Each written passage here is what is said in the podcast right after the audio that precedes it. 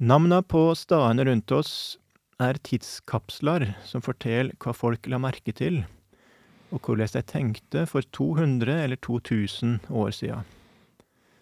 Og navna vi lager i dag, forteller mye om vår tid og vår kultur.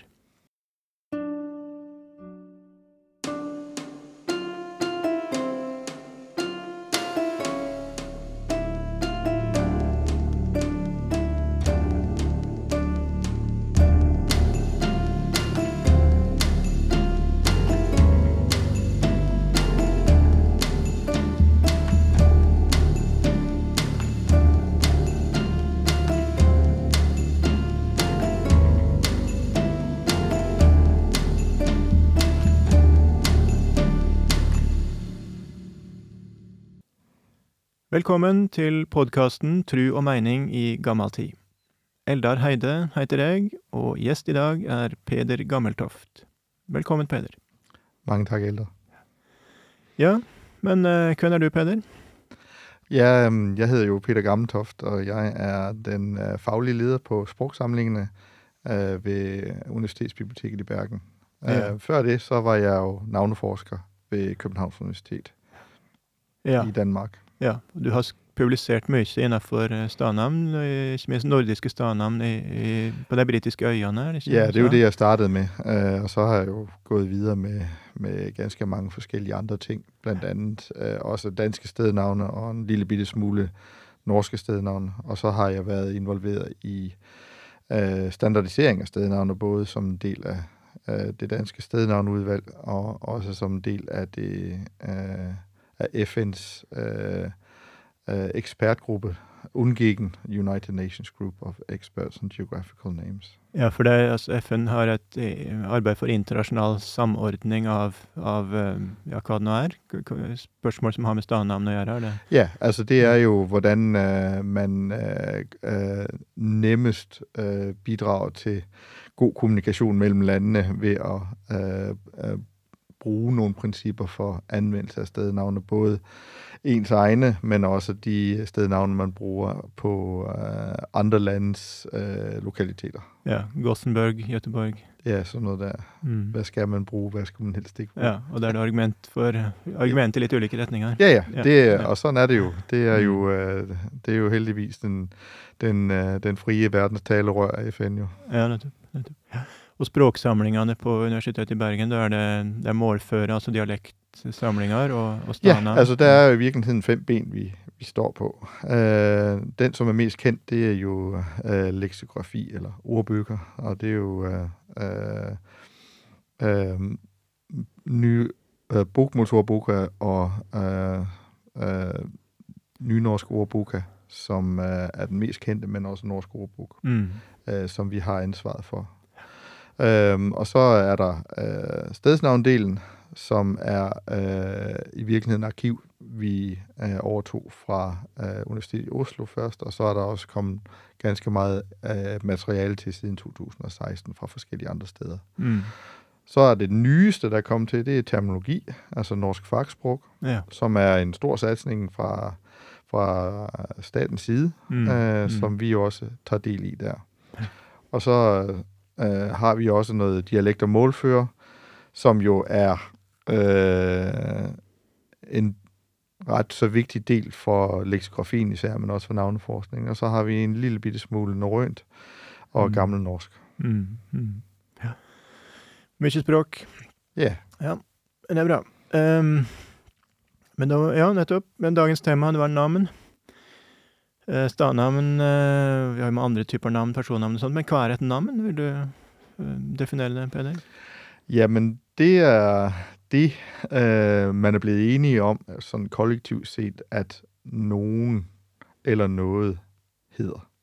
Ja. Altså det, er, det kan enten være en person, eller det kan være en lokalitet. Altså du hedder Elder, jeg hedder Peter. Det er noget, Mm. som, uh, som der er enighed om. Det er jo nok vores forældre, der har besluttet i sin tid, at det skulle vi hedde. Mm. Uh, og så er det jo så blevet sanktioneret fra det offentlige, og så er det dermed punktum. Men det hadde et, en enkeltperson i tankene da de ga navnet. Ja. Akkurat denne. Så det er et Ja. navn det er noe som peker ut et eksemplar, et individ. Ja, nemlig. Et visst eh, At der så individ, er, ja. At der så er 100.000, der hedder Peter, og 50.000, der hedder ældre, det er sådan set ligegyldigt, for det er i den kreds, kreds altså Navn gælder. kreds, kreds, Ja. ja brugerkredsen, Mm. der er vi øh, de individer, det angår. Ja, og det skal vi komme, gå nærmere inn på. navnekrensen, brukerkrensen. Ja. Så, men, men altså til skillnad fra ord som bord eller stol eller båt eller skog. Ja, Mm. skog kan jo da bli navn, hvis det er en gard som ligger ved en skog eller ry- rydda i en skog, da. Men, men er det, ja, det er jo en egen prosess hvordan navnet Sånne allmenne ord, eh, særnavn, fellesnavn, appellativ, hvordan de blir navn. Det er jo en eh, Ja, kan skje på litt ulike måter. Det skal vi gå nærmere inn på, nemlig nå. Hvordan oppstår navn? Hvordan vil du skissere Ja, øh, de opstår jo ved, at øh, der skabes en eller anden form for konsensus om, at, at noget, man øh, har et fællesskab om, mm. skal hedde noget bestemt. Øh, og det kan jo have noget, det kan oprindeligt have haft et helt almindeligt øh, øh, øh, fællesord, men det kan også være en, en sammensætning. Øh, det, som øh, er, er vigtigt, det er, at der er enighed om, hvad, hvad, hvad stedet skal hedde, Ja. eller hvem personen skal, øh, hvad personen skal hedde. Mm. Det, som ikke øh, øh, er så øh, vigtigt, det er, når man er blevet enige om, hvad navnet, øh, et, hvad navn et lokalitet har, det er, hvad det betyder. Mm. Det, det går ligesom Mm. øh, ud af ligningen. Det er ikke vigtigt mere. Nu ved. Nej. vi præcis, hvad den her lokalitet øh, hedder, og det er det. Og så er alt annet sådan set uvigtigt. Det er en del av vår kommunikasjon. ja, for et innarbeidet navn, det er en merkelapp. Fullstendig. En, en eh, språklig merkelapp, en merkelapp av lydbølger som, som en fester til, eller som er festa til den ja, staden eller personen eller kan ja. ja. Så, men, men det må, ja, så det må være konsensus, semje, men, men også det må være behov. Ja, Helt klart. Det, Altså, uh, ja. et, øh, man, man kan sagtens danne et navn, mm, øh, uden at der er et behov, men den lever Mm. bare ikke så længe, øh, Mm. fordi at øh, der er ikke noget konsensus i navnebrugerkredsen om, Mm. at, at, øh, at det her sted skal hedde det eller noget, for den sags skyld. Hvis, og da, men nettopp, og, og når det da er, hvis det er noe som mangler navn, så vil jo det kunne vokse fram Ja. eh, spontant. Og Ja. det, mm, og det er vi over på det med hvordan navn oppstår. Og da um, ja, Vi kan skille mellom sjølgrodde navn eh, eller vedtekne navn. Du foretrekker å kalle dere litt annet? ja, altså, um, det er jo én en måte å kalle det på. En annen måte er å kalle det uh, bottom-up og top-down øh, navngivning. Mm. Og bottom-up, øh, det er det, man kan kalle selvgroede stednavne. Det kommer fra folkedypet. Og top-down, det er, det er, det er vedtagende navn. Altså det er, øh, hvor vi har en myndighed, der siger, sådan er det. Ja, og det er jo mest utprega i, i vår tid, men Øh, men, Ja, det har jo kunnet, ja, men det har jo kunnet skje på den måten i gammel tid òg. Og det med personnavn, så er det jo sånn at det er Ja. foreldre da som, eh, ja, som slags styresmakter som Ja. erklærer dette barnet heter. Ja, Mm. og, og faktisk også, hvis du har andre kulturer, hvor man skifter navn igennem øh, ens livsperiode, så er der jo også så er, så er der jo en, en, en form for autoritet, Mm. øh, der siger, jamen nu hedder du det, Mhm, fordi mhm. nu har du bestået den og den test for at komme videre i livet. Ja, at det er ok at den skifter kulturer der den skifter navn med, Ja. med livsfasene. Ja. Og den passerer ja, sånne ja, milsteiner, initiasjonsriter og sånt. Da. Ja. ja. Mm. Men uh, sjølgrodde navn, kanskje vi skal si litt mer om, eh, om dem. For det er en veldig stilig prosess. Eh, hvordan vil du eh, skissere den, eh, Peder? Um, ja, uh, først så har vi jo uh, uh, et samspill mellom brugerkredsen og et sted, Ja. hvor der skal jo være en idé øh, om, at det her det er et relevant sted at give et navn. Mm. Øh, og så øh, kommer øh, øh, konsensus, konsensus over tid. Og det kan, være, det kan være en langvarig proces, det kan være en kortvarig proces. Det kommer an på, om der er konkurrerende navne samtidig, Mm. øh, eller konkurrerende øh, former øh, øh, eller forslag til et navn. Øhm, så, øhm, øhm, så har man jo forskellige måder at navngive på. Jeg ved ikke, om det er det, du sigter efter. Øh, men man kan jo navngive øh, både øh, efter, øh, hvordan en lokalitet ser ud. Øh, der kan også være noget med, hvem som øh, er beboer eller ejer af stedet. Og det kan også være noget, man synes, at stedet ligner, eller et ønske om at give navnet en egenskab, som man håber, det vil få, men måske ikke har endnu. Mm, mm. Ja. Øh, det jeg synes er, er fascinerende, er jo hvordan altså den, eh, Du har en forfase der navnet Ingen tenker over at det er et navn. Mm, Og det ja. mm, eh, Der det er en forklaring. Og Der en, der en kan si da at hvis du skal forklare veien til en plass, en Ja. badeplass eller eh, hva, det kan En campingplass, eller hva det kan være, og så sier du kanskje at jo, du kjører langs riksveien sånn og sånn, så kommer du til en kjempelang sving. Ja. Midt i svingen eh, tar det av en skogsvei. Ja. Den skal du ta. Eh, og når det er sagt lenge nok, så vil svingen skifte. Eller da vil det ikke lenger være forklaring, så at folk tenker OK, sving, sving, sving. Hvor svinger veien? Der er det en diger sving i veien. OK, da må den være her. Mm. Da vil det skifte karakter til at bare svingen er den staden, og så kommer det i bakgrunnen at det betyr eh, betyr eh, En- bokstavelig En boning, en krog, ja. Nettopp. nettopp. Ja. Og det er jo veldig Det er fascinerende at det er det funger, Men det har jo fungert som navn ganske lenge før folk oppfatta det som det.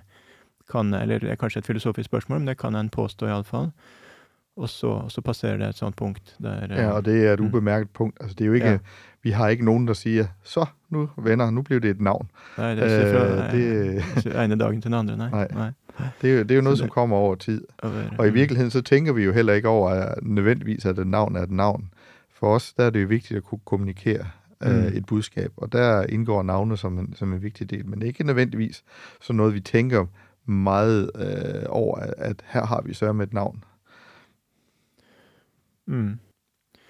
Men når det er passert det punktet, så vil, da kan vi snakke om navn som en avtale, egentlig.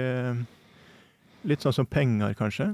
Altså yeah. at det er, eh, Penger har i seg sjølve ingen verdi, men fordi ja, brukerkrinsen er samd om at, eh, at eh, jo, det har den verdien, og jeg veit at hvis, hvis jeg tar imot 1000 kroner for den tjenesta vara her, så kan jeg så får jeg andre verdier i bytte, fordi Mhm. at det, det veit jeg. Sånn som fungerer det her.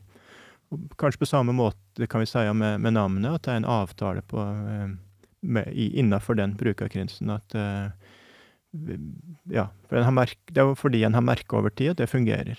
Ja, Når jeg sier det, så oppfatter folk den staden, og, og, og, eh, og når andre sier det, så er det den staden jeg tenker på. på. Så det er jo stilig med, med hvordan sånne avtaler Jeg las for ikke så lenge siden denne boka um, 'Sapiens' av han um, Harari, eh, israelske historikeren, og han sier jo at em, organisasjoner, enten det er stater eller bedrifter eller ja, frivillige organisasjoner, hva som helst, er fiksjon. Eh, Det har jeg problemer med. Det er jo systemet av avtaler. Men altså, han mener det er fiksjon, fordi du, du kan ikke peke på denne ø, organisasjonen. For den består av mange personer, og du kan skifte ut alle personene, og du kan Ja. Men det er et system av avtaler, som jeg, Mm. som jeg ser det. Ja. Så, så ja, navn. eh, Og hele navnet Ja, hva skal vi si Samlinga av, av navn som vi bruker, er et sånt på en måte system av ø, avtaler. Det kan du sånn sett godt si. Med vedtekne navn Jeg nevnte at Grønland ehm, Jeg vet tidlig døme på Eller gjorde jeg det? Nevnte jeg det? Ja, Det gjorde ikke, nej. Nei, ok. uh, men det er det iallfall. Um, jeg nevnte personene. Mye i vår tid, når, eh, når vi tenker på, på navn og navngjeving, så tenker vi på, på offisielle. Da er det gatenavn. Statsminister Mikkelsens vei. den typen eh, At det er navnekomiteer og offisielt Ja, kunngjort, eh, offisielt eh, sanksjonert. Men eh, og for så vidt da personnavn, da er det foreldre da, som er de styresmaktene. Eh, kan en tøye det til å, å, å si. Men, men vi har også opp, den typen jevne navn, vedtekne navn i gammel tid. Grønland er vel eh, jeg kan jo, Vi veit jo ikke hvordan det skjedde, men det står nå i, i, i kjeldene at eh, Eirik Raue, da han hadde vært i var det tre, tre vintre, tre år på, på Grønland og utforska landet, så ville han ha med folk dit, og så, så sier han at eh, han kaller det Grønland, for er, tror det er lettere å få med folk hvis eh, landet har et godt navn. Om det er sant, det vet vi ikke, men det er jo påfallende å velge et land som stort sett er dekt av is, da, påstå at det er det grønne, Ja, grønne landet. det kan man jo si. Men uh, Island var jo opptatt, Ja, det, uh, så det, den var litt svær å bruke igjen. ja, det kan du si. Og den oppdaga Grønland før Island, så ville det kanskje vært omvendt. Ja, det muligvis, ja. Ja. Det er mye is på Island òg, eh, og særlig når det kommer seilende, da, fordi det er Vatnajökull, så er det Mm. veldig, veldig tidlig. Men, men eh, opp, sånn vet, ja, oppkalling er det jo en god del da, i, i vedtekne navn, og det har vi jo veldig tidlig. Du nevnte før vi gikk i studio, eh, Peder eh, Alexandria, etter Alexander den store. Ja, altså øh, Alexander den store af Makedonien, han, øh, han erobrede jo enorme landområder i sin tid, og han, øh, han fortsatte en tradition, som hans far sådan set havde startet. Det var at opkalde mange af de steder, som han erobrede efter sig selv. Så derfor har, har vi faktisk, man er lidt sådan uenig om antallet, men der er mellem 10 og 11 Mm. øh, forskellige Alexandria i verden, eller steder, der har heddet Alexandria. Øh, og øh, det er jo, det er jo må, altså, havde hans rige levet videre i længere tid, så må det have været lidt af en udfordring at vide, hvilken Alexandria man skulle have gået efter. Og Ja. næsten alle Alexandrierne, som han, øh, som, som, som han har navngivet, har ofte øh, en, øh, øh, en områdebeskrivelse bagefter, der siger, i hvilket område ligger de her Alexandrier. Mm. Øhm, men det var jo i virkeligheden hans far, øh, Philip den anden af Makedonien, som, øh, som, som ser ud til at starte den her tradition, Mhm. ved at han øh, erobrede trakernes land. Øh, og, øh, så, Dagens Bulgaria, omtrent. ja, øh, det er sådan et, et, et sted der med øh, Bulgarien, måske ind i Rumænien også. Øh, ja. Og øh, der tog han hovedbyen øh, og udbyggede den, og omnavnen gav den til Filippopolis. Øh, og det er det, som i dag hedder Plovdiv, faktisk. Og det er Plov, Plovdiv? Plovdiv, ja. Plovdiv. Øh, og det er øh, nok øh, et af de ældste eksempler, vi har på et rent opkaldsnavn. Mm. Det går så hen og bliver moderne. Når vi så før, først kommer op efter middelalderen, og, og de her europæiske konger og herskere, de Mm. mm. begynder at, at se sig selv som almægtige personer, så Mm. mm. er der jo en tendens til, de faktisk navngiver. Under Einevelde, 1600-tallet, særlig yeah. Kristiansand, Kristiansund, Kristiania. Christian den 4. er jo god for ganske mange navn. Han er næsten oppe i uh, ligaen med uh, Alexander, men ikke Mm. helt. Mm. Altså, der er jo Christianstad i, uh, Ja, stemmer, i Skåne. ja, og Christian Nobel i Blekinge. Ja. Uh, og så er der Christiane selvfølgelig i, i uh, Oslo. Men da har han iallfall variasjonen på Det er ikke identiske Ja, navn som heldigvis da. Alexandria. Ja. Ja, det er jo ganske spesielt at den uh, Mer sånn eh, om ut- Mentaliteten Det sier jo noe om mentaliteten Ja, i tida. For i dag ville det vært direkte pinlig, vil jeg tro. Ja, det vil jeg jo tro, at, uh, at uh, folk vil synes, at han var en opblæst nar, men, uh, ja. men man har taget det som helt, helt almindeligt og acceptabelt. Ja. Nettopp. Er guddommelig, ja. For nei, i, antik, altså, i antikken så, så var det jo helt kurant å oppfatte kongen eller keiseren som gud. Mhm. Til og med Ja. krav eh, i romertida, da, men Men for så vidt nettopp Eineveldet, altså at kongen som eh, Sjøl om en kanskje Jeg vet ikke om det Men ville oppfatte det som blasfem, blasfemisk hvis en sa det beint ut, men at, at kongen er iallfall veldig nære, nære Gud, da. Og det er kanskje noe sånt som må til for å finne på en sånn navne, navneskikk. Vi må si litt mer om sjølgrodde navn. Hvordan eh, Hva vil du si som er det viktigste viktigste trekket ved, sjølgrodde navn fra folkedypet? Øh, det viktigste trekk um, er vel, at øhm, de har en tendens til øh, at være ganske sejlivet og til at være ganske stabile, Ja. øh, når de først er accepteret. ja. Mer enn vedtekne navn? Som Ja, i højere grad. Altså, det er jo, ja. øh, hvis man, du lægger mærke til, hvilke øh, steder, der er, er, er tvist og uenighed om, så er det jo ofte navne, som er blevet vedtaget, mm. og som ikke har øh, opbakning lokalt. Ja. Ja, og det er jo no, noe med at de ikke navnene, sånne kommu- kommunestyre, navnekomiténavn, ofte er fenomenalt upraktiske. Jeg nevner statsminister Mikkelsens vei. Mm. Veldig lite funksjonelt. Eh, vi har verste dømme jeg tror jeg har hørt, det er jo i Bodø. Plassen utafor Flymuseet heter Statsråd Holsts plass. Og det var fordi eh, det var Johan Jørgen Holst eh, som var eh, statsråden som fikk Eller da, da det ble vedtatt at flymuseet skulle, Bodø skulle få flymuseet.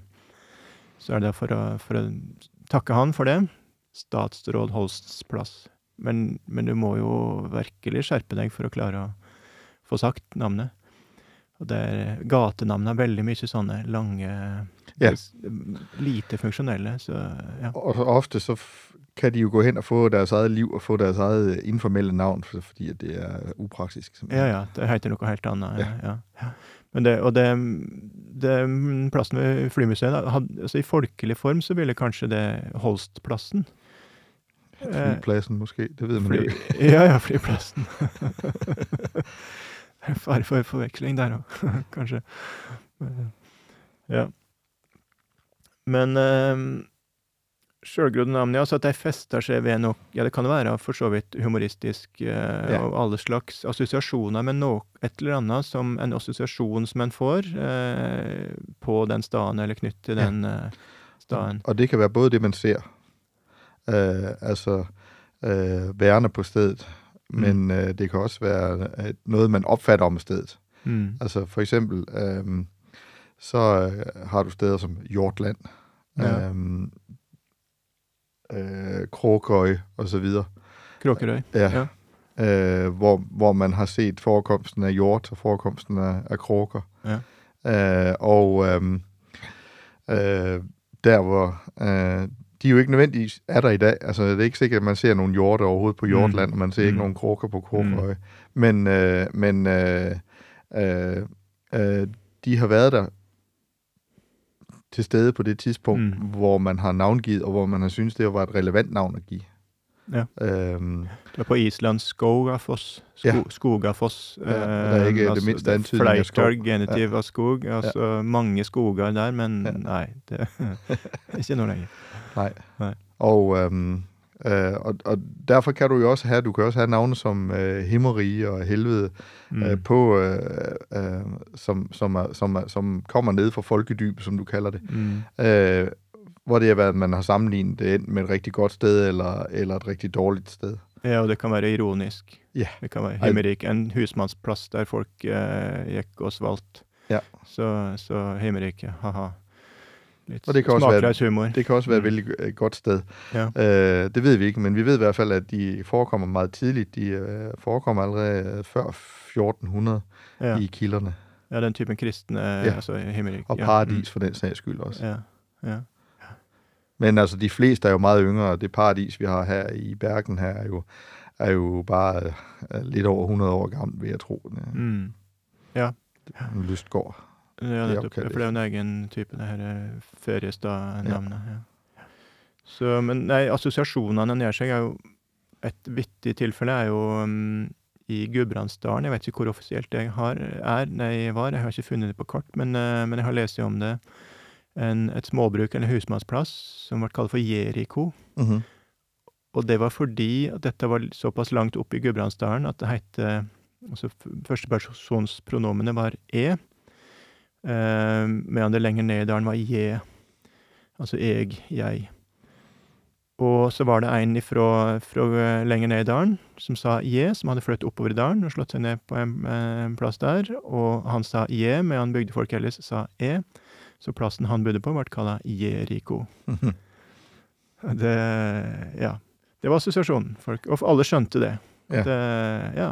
Og, og da, her er vi over på tilnavn som eh, Ja, sånn som uh, uoffisielle personnavn. Altså, jeg en student studerte i lag med Kåre med håret. Ja. Og um, alle skjønte hvem det var, helt uh, uten videre. Så veldig, veldig funksjonelt. Men van, vanligere med sånne sjøgroddnavn er vel at er altså noe ved stad, noe fysisk uh, Ja, Hjortland for så vidt, men eh, Eller skog, som vi nevnte. Eh, bratt og lang og eh, djup. Djupfjorden kan det være, hvis en Mm. ligner ved en djupfjord. Så et eller annet med, med med det fysiske på staden er vel Ja. eh, kanskje det vanligste. Altså, hva stedet ligner, om det er- ligger på et fremspring, eller, eller om det har udseende for eksempel af et horn, eller om det her udseende for eksempel er, en, øh, er noget, som er splittet fra hinanden, altså delt op Mm. imellem sig osv. Det, det er vældig almindelige Mm. mm. navngivningsmotiv. Mm, mm. Ja. Lia, Vika øh, er jo ganske vanlige navn. Det, som jo er problemet med de øh, navne, altså Vika og Lia, det er jo, at du kan kun i virkeligheden kun have en af dem. Hvis du så har flere lige eller flere viker, så bliver du jo nødt til at specificere dem. Sætter du jo ofte et forled Mm. på, Mm. sådan så det hedder Grundvika eller Jubvika, hvis Stor, du skal... Storvika. Ja, storvika. Ja. Ja. Hallevika nordpå et par steder jeg kjenner. Mm. Ja, det er det. Så Hallar ned mot, bratt ned mot sjøen.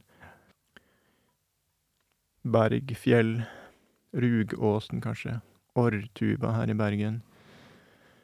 Um, altså at det er tydeligvis orre, som man spiller orreleik, som man da mest høyre på avstand. Det er en ås. Var, ja, vi kan gå ut fra det, da. Kikkut er jo artig. Ja, Sånn- det er jo sånn uh, det ser til at være et, et ud, ud, udsigtssted jo. Ja, det er uh, men du har ganske mange av de, uh, de øh, imperativ navne, som de kaldes. Og øh, det er jo sådan noget, vi har her i den, i hvor, den nordvestlige del af Europa, som er ganske almindelig navngivningsmotiv. Nogle mener, det kommer ned fra Tyskland. Øh, det kan også være selvgrod her i, Skandinavien, men Mhm. øh, vi har øh, navne som øh, øh, stå op eller stop op, Mhm. øh, bil lidt, Ja. øh, øh, sving om. Øh, Sving om, ja vel. Ja. Og også gør det ja, det, øh, altså, det betyder ikke at tage en sving om, altså tage Danse. og danse. Nej, Nej. det betyder, at man skal dreje indenom et sted. Og Ja, ja, øh, derfor mener man faktisk, at den her type navn måske kan have oprindet som sådan en form for øh, vejkroer eller noget lignende. Ja, for har bi litt i Ja. Oslo, og bi er jo å vente. Ja. Altså, ja, vent litt, stopp litt her. Ja, Ja. Det har vært eh, kro eller noe, ja. Og øhm, Tennpipe nevnte du Ja, en gang vi pratet I. Danmark er der øh, ganske mange eksempler, og de øh, ligger gerne i, om, øh, i nærheden af, af det, der hedder købsteder, Ja. altså byer. Men, men altså tennpipe, at der, der tok du ei rast og, og, Og og en, en røyk. ja. ja. Tennepipa, ja. ja. Og øhm, øh, ved Ringkøbing, øh, der har du faktisk øh, både et tændt pibe, men du har også et, et, et andet navn, der hedder Stap om. Mhm. Øh, og det er ikke stoppe, men det er stappe pipen, altså stoppe Ja. altså putte Ja. ja. tobak i pipen. Ja. Ja. Så man har faktisk muligheden for at tage to øh, gange røg, inden man kommer til øh, mm. købstaden Ja, og handle. ja, nettopp. nettopp, ja. Andre, vi har Vinstad, ganske mange steder. Der, um, ja, har det vært, eller er det helt sikkert ennå, mye vind. Og du har faktisk også det i imperativ navn. Jeg tror, det finnes eksempler på blås opp, eksempel. Blås opp, ja. Ja. ja, ja. Vi har eh, nede i, i Rogaland Trollatysdalen, eller Trodlatysdalen. Mm. Det, eh, det tror jeg har med vind å gjøre, at det er en trang dal med, som vender mot sørvest. eh, Et langt vann som samler vinden som jeg trekt. Det er Mm. helt forferdelig med vind i- inni at, eh, som jeg enda har sett i samband med noe overnaturlig. er mitt forslag, iallfall. Huldrehaugen. Mange steder. Altså Folketru. Askehaug, treslag. Hegg, Heggenes, treslag. Salten er jo um, Øystra Salt. Og Austrasalt var gamle navnet, eh, norrøne navn, gammelnordiske navnet på Austersjøen. Mhm. Og det er salt lik strei, et ord for straum i, i sjøen, antakelig. Saltstraumen er jo nettopp eh, passasjen inn til den store fjorden som heter Salten. Så det er jo assosiasjoner i alle slags eh, yeah. retninger. Men, men altså, det som en festa seg ved, som da i en sånn kollektiv, ustyrt prosess, Ja. peika seg ut som det mest særmerkte ved staden. Nemlig. Det er ganske stilig sånn eh, anarkismen i det her. Det er ja, det kan du si. noe som bare skjer i et kollektiv. At det Ja, det Men ja, kollektivet samtidig har det sikkert vært da eh, visse personer som prega prosessen mer enn andre, da. Mer markante, eller mer kreative. Ja. Sånn som de her litt humoristiske navnene. Altså at det er vittige Ja. Altså hvis vi ser på øhm, øh, de stednavn, der har personnavn i seg, så er der jo noen som øh, har øh, ganske nedsettende tilnavn Ja. øh, som forled. ja. Og der er det jo muligvis ikke selve ej- ejeren, der har givet navnet, mm, men, men, men kretsen rundt om. ja. Hvorimod dem, som har meget, hva skal man si, meget øh, flotte og ærverdige navn, der er måske øh, har ejeren måske været stærk nok til at, at trække sin version af, af Ja, navnet igennem. Ja, nettopp.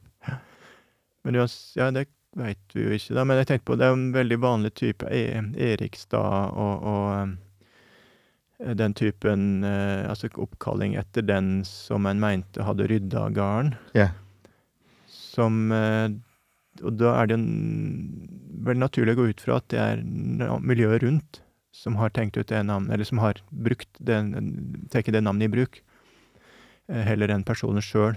Eller så blir det jo stormannsgalskap, da, som Alexandria. Det her at eh, Men det er jo Og det kjenner vi også i seinere tid, da Henrik Vika og sånt, eh, yngre navnet Henrik er jo et seinere lånt Ja. navn. Sånn at eh, det, Og det ville fungere som utpeking. Eh, Ja. Veldig enkelt og greit. Er, altså, det du blir jo nødt til, uansett om, om det, er, det er deg selv, der gir navnet, eller om, om det er andre, der gir navnet for deg, Mm. så, så det, som er det viktige for, at navnet skal bli hengende, det er, at, øh, at navnebrukerkretsen er enige om, at det her, det er navnet. Mm. Ja, og at det fungerer lenge nok da, Ja. før det blir navn, som, eh, som uh, forklaring og utpeking til at Ja. alle forstår, uh, forstår hva det viser til. Kanskje ta en runde via en del andre. Um, Austmannaleite eh, i fjellet mellom um, Er det Lofthus og uh, dalen innafor Øvre Eidfjord. Så er det austmennene, det var det som kom østfra. Ja. uh, altså fra Østlandet, Telemark, eh, Hallingdal og sånt. Og leite det, og lite er egentlig å se på, så det er der en fikk se de austmennene når de kom til syne. Vi har Augedalen oppe i eh, ja, nordvest for Lillehammer, og det betyr antakelig omvendt dalen. Avvig på svensk er jo omvendt. Mhm. Så det er den dalen der elva renner motsett av det som er vanlig i, i området. Eh, Noreg, Nordreveger, ganske sikkert, da. Eh, veien nordover, altså vestkysten, da, først og fremst. Leia nordover. Men Danmark? Hva, mark er skog? Eller grense, men hva er det Nej, altså det, er- og det er jo nok, der har vi nok et øh, eksempel på, at det er ikke danskerne selv, der har givet navnet til, til land, for det er højst sandsynligt ordet mark i betydningen grænseområde. Ja. Så det er danernes, øh, øh, grænsen mod danerne. ja, Så det er nok nede for Tyskland, vi har fået navnet i virkeligheden. ja. Så Danmark, da, er bokstavelig et grænseland? Ja, det er det. Ja. Men øh, det kan man måske sige det samme om Norge. Og Norge, hvis det er vejen mod nord, så er det jo nogen sydfra, der, var, ja. der har givet det jo ikke. Ja da, nettopp. Jeg holdt et foredrag om det der en gang, kom, eller andre også som har sett på det. at um, For det var en Nordvegen, og så er det også Vesterveg og, og um, Austerveg. Ja. Og mer sporadisk også da Suderveg, eh, Sørvegen. Og da sentrum i det systemet blir eh, Skagerrak-Kattegat. Mm. Som ut fra den, de navnene da blir sentrum i, i det gammelnordiske universet. Og der ut fra det har det vært teorier om at Danmark var kjernelandet. Ehm, ja, det vil danskene jo sikkert gerne si. ja. Det kan ikke stemme. Nei. Det er jo ja, ja, stilig hvordan eh, retninger ut ifra sånt kan, kan fortelle om, om tanke, tankegang. Ja, og igen, vi er jo litt inne på mentalitetshistorien der, altså. Øh, hvad man har, hvordan man har skruet sit univers sammen, simpelthen. Mm. Mm. Ja, vi kan kanskje svinge innom flere navn. Hårteigen er jo et um, landemerke og et fjell på mm. Hardangervidda. Da er det hår som um, Det er et gammelt ord for grå. Og teig er som uh, i tysk zeigen, som er å vise. Ja. Det er den grå vegviseren, da. Som vi, en sånn tapp av et fjell som står midt på, på vidda. Så det er noe det er oppfatta som, som, det sentrale der nå. Eh, Gangdalen, der du går. Eh, Hallingdalen, det er altså Haddingjadaler. Og Haddinger eh, på gammelnorsk, norrønt, er noe sånn langhåra folk, eh, mm. ser det ut som. Så det kan virke som at det var en stamme der i dalen som hadde lengre hår enn andre. Ja, det kan jo være. Man har jo også øh, i nord for København, så har man det, der hedder børstingerød. Øh, og det ser ud til at være rydningen til, de, til børstingerne, altså dem som er med bustet hår. ja vel, ja. ja. Vi har jo langobardene, kjent ja. øh, Langskjegg. germansk stamme ja. fra folkevandringstida. Lang, langskjeggene. Ja. Eh, og sakrale navn, da Torshov, eh, hovet til Tor. Det er hovet som en, det er en dyrka tor. Som en bygning, tydeligvis, da. Du sa, da vi snakka om det her før opptak, Peder, at det sjølgrodde navnet ofte er mer sanselige. Mm, ja. Du sa litt mer om det? Um, de er jo uh, sanselige på den måte at de jo um, uh, legger opp til at man, uh, man, man føler landskapet mer. Mm. og man, og man, man oppfatter hva man står i. Mm. Um, på en helt annen måte. Ja, kråke, da, kråk, Kråkerøy, så er det ja. Det er simpelthen de observasjoner man gjør ja, på stedet for, for, for at der hjelper navnet med. Observasjoner, ja. Og også hvis det, er noe, hvis det er noe der har et, et, et, et, form som et horn, eller form som, uh, som en, uh, uh, en fiskehale. Mm. sport, for eksempel. Mm. Eller vi har et par steder, det heter Sperillen her i i, Lang innsjø, stor innsjø på Østlandet. Ja. ja. Langt, smalt stykke. Og det betyder det, det er jo det norrøne ord spærdild, ja. som betyder en, en lang stjert. Ja, som uh, sporen, halen på, på fisken. Ja, ja. ja. Og um, vi, har, vi, vi har ganske mange af dem. Mm. Uh, og um, jeg mener også, man kan faktisk se et, et skift i, i, i sanseligheden også. Uh, hvor de allerældste navne, vi har, øh, øh, som ser ud til at være sådan såkaldte afledningsnavne, altså hvor du tager et ord, og så giver du en afledningsendelse, som så får en, en form for stedslig betydning. Øhm, og øhm, de øhm, øh, er i, højere, i meget højere grad sensoriske i forhold til, hvordan de senere blev.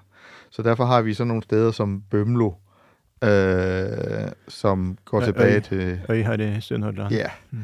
øh, som går tilbage til øh, øh, Bymbil eller noget lignende. Øh, som betyder, ja. som betyder øh, der deres tygt, eller der deres højt, klumpet. Ja, det hænger op med bombe. Yeah. Nistebomme, altså noget ja. lidt sådan klumpet, ja. Og øhm, øh, så hvis du har været på rejse dengang og skulle have fundet frem til, til, til, til Bømlo, mm. så skal du være på udkig efter noget, mm. som er tykagtigt eller klumpet eller noget lignende. Og det kan være ganske, ganske mange ting på vejen. Ja, for navnet gav uh, ingen oplysninger om hvad det var i landskapet, som var tykt eller klumpet. Nej, Nej, og hvis du som dansker, ligesom mig, kommer fra et helt fladt område mm. af landet, så øh, skal jeg love dig for, at der er mange ting, der er klumpet her i Norge øh, ja. at se på. Så det, øh, det kan være yderst svært. Du har jo også øh, øgenavn Lustner, øh, ja. som øh, er en afledning til ordet løs, mener man. Ja. Altså laus på norsk. Ja. Ja. Øh, og øh, der har man så sat øh, en, en afledning på. Øh, og der betyder det sikkert sådan noget som i dag, som er løsne, og den har sådan et, den er, har ligesom et stykke fra, mm. fra øen Sula. Ja, nettopp. Ja, Sula her, ja, Ytre Sogn eller like nord for det. Ja. Mm. Ja, for, for det Og så, så det, som så sker, så det er jo, at øh, der har tilsyneladende været et behov for ligesom at være lidt mere sikker på, hvad, hvad man egentlig navngiver. Så der er man Mm. begyndt at især bruge sammensatte stednavne Ja. øh, for at angive, hvad er det for en type lokalitet. Mm. Det er det, vi har i efterledet, eller i hovedled, som man, man kan kalde det. Øh, og hvordan ser lokaliteten ud, så har vi det øh, angivet i, i forledet. Ja, nettopp. For da får du sånn som eh, du har Jøsne, lille Jøsne i, i Lærdal, der det er veldig høye fjell rundt, og stort sett lite sol som kommer ned om vinteren ned i dalen. Men Jøsne, der er det sånn at den dalen vender sørover, slik at det kommer mye sol, eller Mhm. mer sol ned der enn ellers. Men, men det på, som, eh, som det dømmer med, med Bømlo, da. Hva er det for noe i landskapet som, eh, som har den eh, forma? Ja. Det blir ikke opplyst. Og heller ikke det med Jøsne. Ja, hva er det for noe som, som, der det er lyst? Men så har du andre steder, der, med Ljosland for eksempel. Ja. Det får du vite ok, det er den gården der det er, eh, der det er lyst. Eller ehm, ja, Bjugn, Bjugnfjorden, eh, tilsvarende Bjugn må være Det viser til at det er en bøy Ja. på fjorden. At du ikke ser når du er ytst i fjorden, så ser du ikke inn til bunnen av fjorden, for det er en, en sving på den, så den ligger i skjul. Ja. Men, men det er på samme måte. Ok, Bjugn, ja vel, no, et eller annet her er bøygd. Men hva i alle dager er det som er bøygd? Eh, og så seinere har den lagt, lagt til ja, det er Bjugnfjorden. Det er Ja. fjorden som er eh, Og det har du jo ganske ofte. Du har jo for eksempel, vi har jo Sogn, øh, som Mm. er et oprindeligt fjordnavn, Ja. øh, dannet til ordet suge. suge. Som- Ja. det er strømmen, eller Ja. slags sugende strøm. Ja. Og det er så gået hen også blevet et områdenavn samtidig. Og øh, Ja, så har du i virkeligheden to ens lydende navne. ja. Du har Sogn Fjorden, du har Sogn Området. Mm. Der har du så muligheden for øh, øh, at specificere en af dem, så du er klar over, hvilken en af dem du taler om. Mm. Og der har man så valgt at tage fjorden og kalde det Sognefjorden. ja. Så i virkeligheden så har du jo et oprindeligt navn, som var velfungerende i sig selv, men øh, senere er der altså så behov, opstået behov for at specificere, hvad er det for en type lokalitet, Mm. vi, vi, vi har med at gøre. ja. Hva er det for en type lokalitet, nettopp? Ja. Og da har en Og du mener det er altså et skifte rundt år 500? Cirka, ja.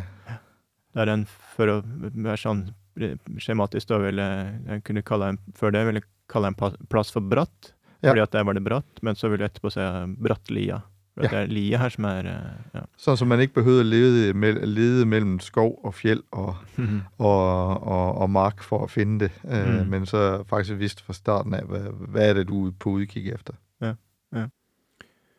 Men det er jo fascinerende å tenke på, at vi har den, øh, altså, at vi, at vi har haft en helt anden øh, måde at anskue øh, verden omkring os på, hvor man har, hvor man må, måske har, har følt landskabet mere end observeret det. Mm. Jeg ved ikke, om du øh, forstår, hvad jeg mener, men at man har ligesom været inde og, og brugt alle sanserne langt mere, altså lyttesanserne, Mm. mm. lugtesanserne Mm. og syn selvfølgelig Ja, også.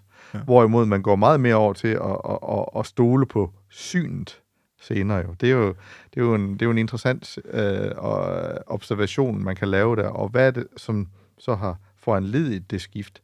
Det er jeg ikke sådan helt klart over, klar over, hvad det kan være. Nei. Og seinere, altså dagens øh, offisielle navn, er statsminister Mikkelsens vei. Lite sansing i, i, Ja, i det, Altså. Nej, øh, sådan nogle navne, det er jo for, og det er, jo, det er jo en måde at vise, at, øh, at, at vi har et system, øh, og vi har, en, vi har, vi, vi har et, et magtapparat, Mm. øh, som fungerer. Og det er Ja. det, som man avspeiler litt på den måten. ikke? Ja, det er et interessant, uh, interessant perspektiv. Altså det, den typen, den navneskikken som uttrykk for makt i samfunnet, ja. Det, det, er, det er det jo. At du har altså nettopp da top down. Det kommer Ja, ovenifra og presser ned. Og det behøver jo ikke at være, det behøver jo ikke engang at være, fordi man opkalder steder efter statsminister eller statsråd, eller, Mm. eller det kan jo også bare være de, øh, de, øh, de litterære pe- personligheder, man mener er store, og vigtige personer. Øh, Det er jo også en måde at, at, at, styre samfundet i, i en helt bestemt ensretning. Mm. Øh, Og sige, det her, det er det, det, er det man bør læse. Mm. Og det kan du gøre gennem navngivning. Det er faktisk vældig, øh, snedig snedigt magtapparat at, at, at anvende Ja, på den ja. måten. Ja, og det er jo ikke sånn at sånn må det være i byer. fordi altså, I gamle byer, sånn som her i Bergen, så er det jo mange eh, gatenavn som er av den sjølgrodde typen. Ja. Du har eh, Torgallmenningen, veldig kjent. Eh, du har Smørsalmenningen. Kajgarten, Strandgarten. Ja, nettopp. ja. Og Smørsallmenning var kalla opp etter en Ja, Kaigaten, Strandgaten er nettopp sånne. Ja, Helt på linje med, med Storvika og Brattlia. Ja. Eh, og, og sånne. Men uh, Smørsalmenningen, da var det en Jon Smør, mener jeg, i mellomalderen, en, en viktig person da, som Om han bodde der, eller iallfall viktig i den gata. Og da, og, sånn, som jeg sa, da statsråd Holsts plass. Ja, i folkelig form så ville det hett Holstplassen, og nettopp da Smørsalmenningen. Og ikke eh, Stormann Smørs gate, eller allmenning. Eh, ja. Så nei da. Makt. Relativ kronologi eh, er det jo en del, i en del av de folkelige navna og eh, En kan se det på mange måter. Det tydeligste er jo det med Du får eh, Altså, du har Ås, Nord- Norderås, Sørås, Søråsteigen. Ja. Ja, det ligger jo i navneformene at her er det Ås er eldst, Nord, Norderås og Sørås er skilde ut ifra altså Søråsteigen. Eller du har eh, Sundby, Sønsteby, den typen eh. Men eh, jeg vet ikke hvor mye vi skal gå inn på datering av navn. Altså vi Nei, det kan vi jo tale om en annen gang i virkeligheten. Det er jo Ja. et rett stort og omfattende om, øh, område Ja. å komme inn på.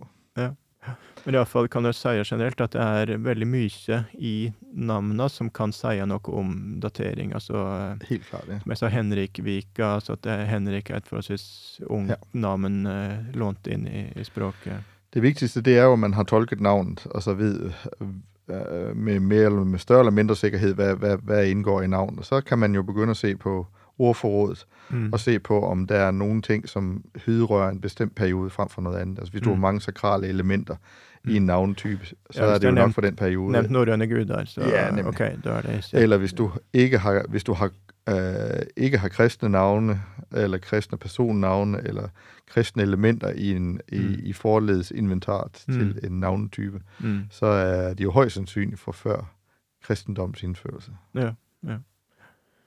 Men altså, det er, det er, det er et stort og omfattende emne, øh, fordi der er jo masser af dateringsmåder. Øh, det vi har nævnt her, det er jo bare den ene af dem, og det er den sproglige datering. Ja.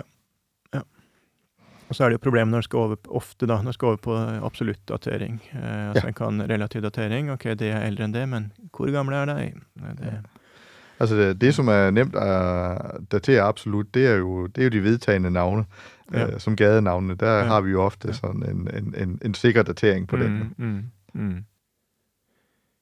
Vi har vært innom det med navnekrins eller brukerkrins. Krets. Det er jo et spennende tema når det gjelder stadnavn. Vil du, du FN-bakgrunnen, vil du si litt om, om det med den, det utgangspunktet? Altså en brugerkreds kan være alt mulig. Ja. Øh, du, øh, en brugerkreds skal jo være minimum to personer, men det kan jo være 8 milliarder for den sags skyld. Mm. Mm. Øh, det, det, det kan være så stort så småt. Det kommer helt an på øh, kategorien af navne, og øh, hvor øh, de har deres anvendelse. Ja, hvis, det er, hvis, det, hvis det er navne på tiger på Mm. en gård, så kan det måske bare være, øh, øh, der kan navne, navnekredsen, navnbrugerkredsen være øh, en familie. Mm. Øh, hvis, det er, hvis det gælder bebyggelser eller store landemærker eller sådan noget, så har du, så har du øh, en, en navnbrugerkreds, der, der måske øh, går så, så langt som en, et sovn eller en kommune eller noget lignende, Mm. eller et helt land. Mm. Og så har du jo så også øh, alle jordens mennesker, der bruger stednavne Mm. øh, som, øh, som, som øh, kommunikationsmiddel. Der har du jo pludselig en navnbrugerkreds på flere milliarder mennesker. Ja, Øh, navn, øh, Ja, storbyer især og landenavne sånt. Ja. og, og navne på store byer og så Ja. videre.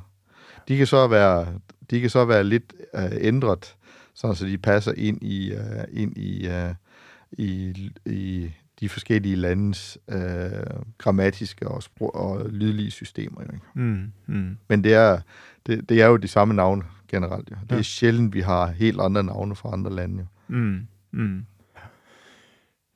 kanskje Det som f kanskje ikke så mange har tenkt over, er det her når det er veldig navn som er brukt i veldig små eh, navnekrinser. Sånn som i min familie, mm, Seigmann-skiltet. Antakelig fire personer som, som forstår det navnet. Og det er altså da ungene var små. Så var det for å få deg, lure deg til, manipulere deg til å gå, gå et stykke på ski. Så var jeg ute og plasserte Seigmen på et løypeskilt. Og så var det da sånn leik rundt det. Ja, kanskje det kan være noe på det skiltet. Er det, kanskje det er Ja, er det Seigmen der i dag òg? Sånne ting. Ok, så ble det Seigmann-skiltet, og det Ja, nå? Eh, Ja, det er ingen andre som vet hvor det er. Så sjøl om de som hører på nå, får vite om navnet, så får de ikke brukt det. Men altså, det kan være helt mm, en bitte, bitte liten eh, bruk av krins. Eller i, i en storfamilie så er det halvveis furua. Mm, ja. Det er i bruk av hvile. Vi går til, går til hytta. Ja, og det, er, og det- er jo sånn helt typisk, at man har uh, forskellige typer navn inden for forskellige brukerkretser. brugerkredse. Øh, du kan sikkert også ha forskellige navne for den samme lokalitet i de forskellige brukerkretser. Det Ja. kommer helt an på, på, uh, på hvor det er henne. Altså, da, jeg, da jeg var knekt nabogården til, hvor jeg øh, boede op, den kaldte man generelt for Sverige.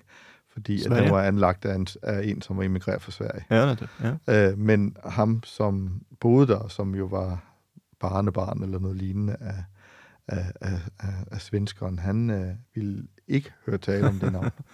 Nej. Øh, så så når, når man vidste, at han var i, øh, i, i, i, i, i omgangskredsen, så Mm. brugte man ikke det navn. Men når han ikke var der, så var det jo det, som var det gængse navn. Ja. Prøysen, for, forresten. jeg kom på det nå. Alf Prøysen var jo fra en husmannsplass som, Mhm. som heter Prøysen, og det var jo etter en soldat antakelig, som hadde, eller som hadde nok kommet fra Prøysen i altså Tyskland. Så det Ja, bare for å skøyte på lista med, med assosiasjoner som en kan gjøre seg, som, Ja. som navn oppstår ut ifra. Eller så er det jo det med løsninger på Når det er Vi har jo vært inne på det med Alexandria, forbaska upraktisk. Eh, mange byer heter det samme.